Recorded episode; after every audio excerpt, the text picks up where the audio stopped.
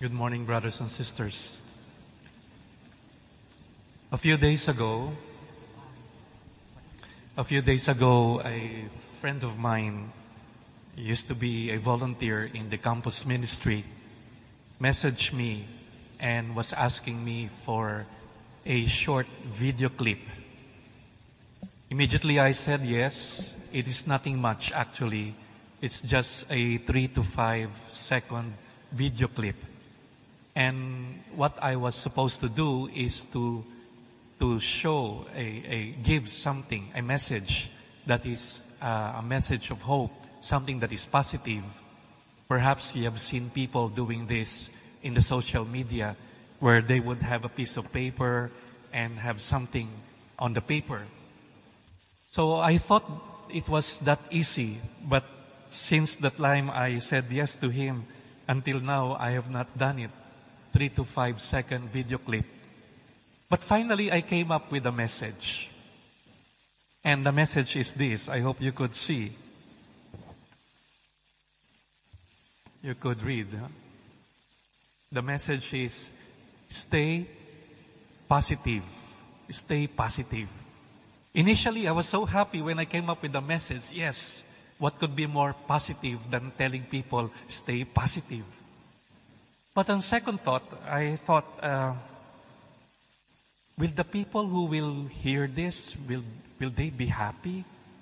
For example, a person who just got tested for the COVID-19 and the result was positive and then suddenly I gave this message to that person, stay positive. I don't think people might take it differently. So I have some reservations about this message, stay positive, but I'd like to push it because it is important for us that at this time to remain positive. I don't know, this coronavirus is so powerful that what is positive, it made negative, and what is negative suddenly became positive. It gets confusing though at this time. And if you will ask me, if you'll ask me, how can we be positive, Father, if I look at the numbers every day, and the numbers of those affected and afflicted are going up, rising exponentially.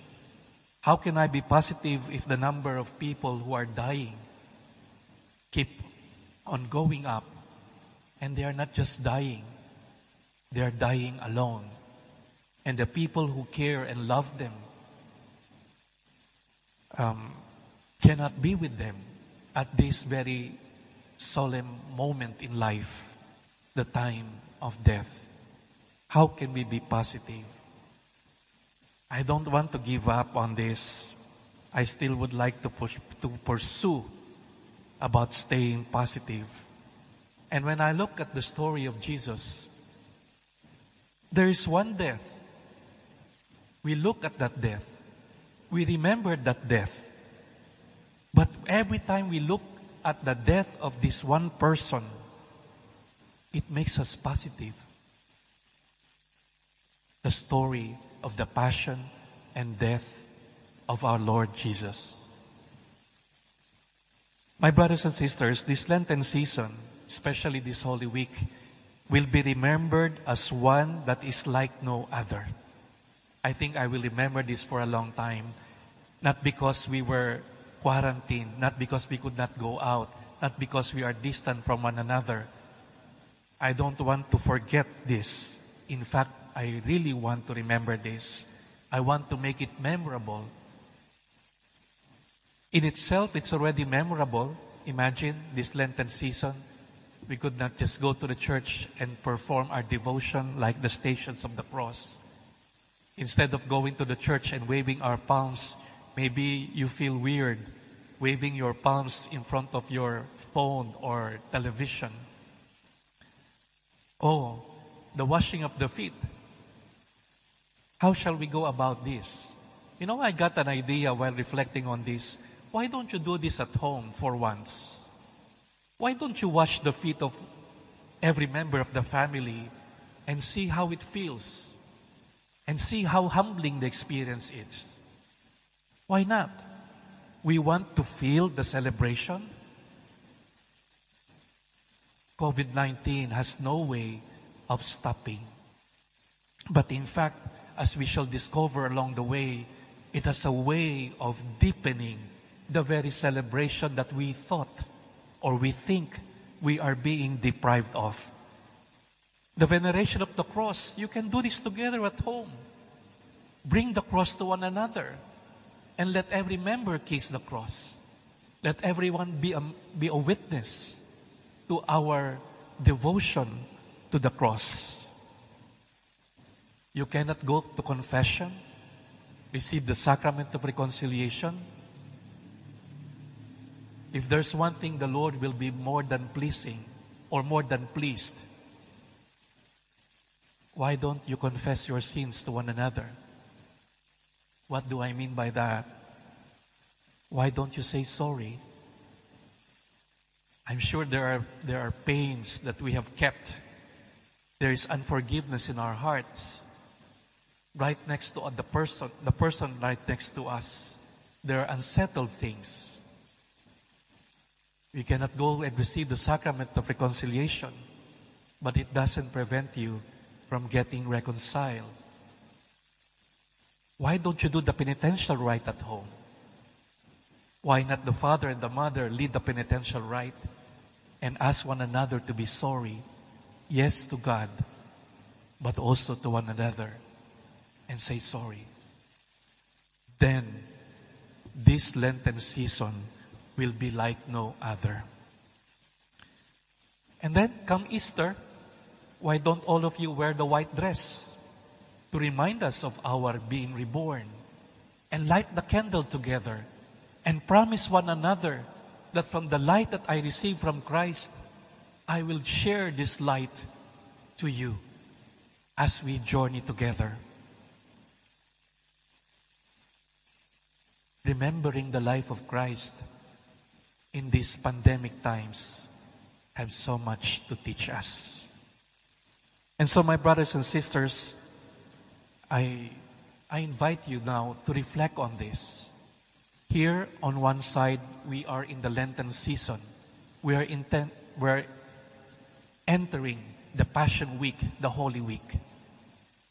On the other side, we have another time, the pandemic time, the COVID 19 time. These are not two separate times. They are not, they are not just overlapping. In fact, we should allow them to intersect so that we can draw strength and meaning from each other and for each other. The passion narratives of the Holy Week, we remember the story of the love that saved us and continued to save us. The love that conquered evil. The love that conquered sin and death. It is this love that will see us through in our life. Today's pandemic sets the stage for a deep and meaningful celebration of Lent. It helps us to remember, understand, and appreciate the very love that saved us, the love of Jesus. Allow me to let this intersect.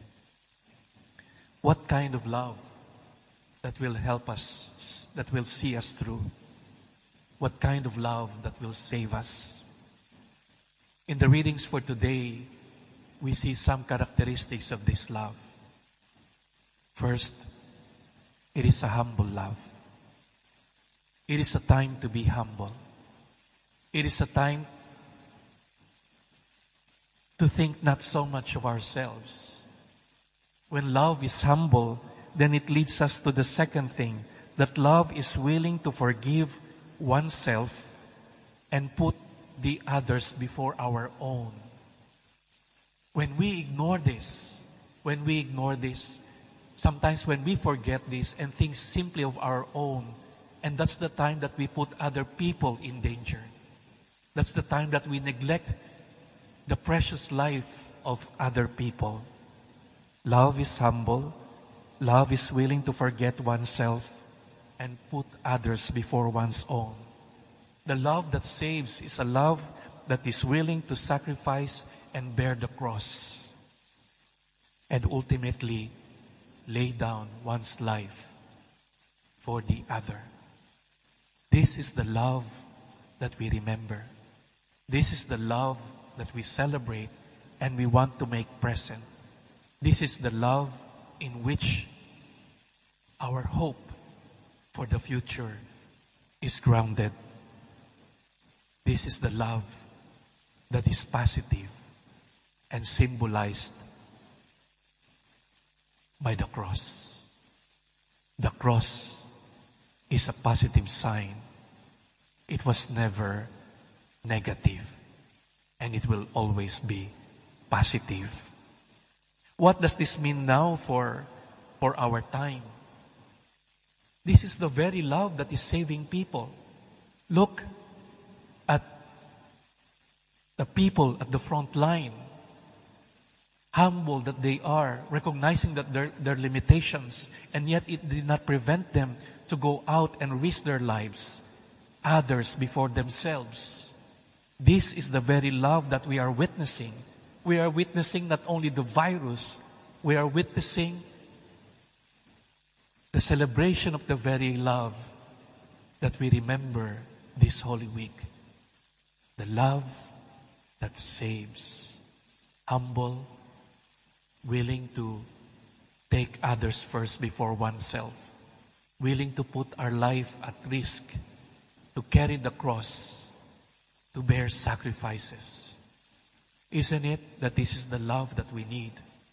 The love of the scientists and pharmacists and all the other people who work round the clock looking for the solution, trying to come up with a, a vaccine to fight this evil that is before us. That love, that love is the love that will see us through, the love that will save us. And so, my brothers and sisters, stay positive. Greet the person next to you. Stay positive.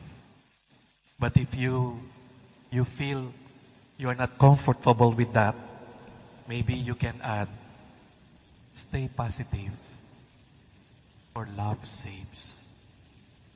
Love saves. The love of Jesus, your love, my love, our love that is like His love this is the love that will see us through in these pandemic times. At the beginning of the celebration, we remember how Jesus entered Jerusalem. We remembered how the people welcomed Jesus. They said, Hosanna in the highest. Hosanna is a call for help, asking God to save us. And so we say, Hosanna Lord Jesus, save us with your love.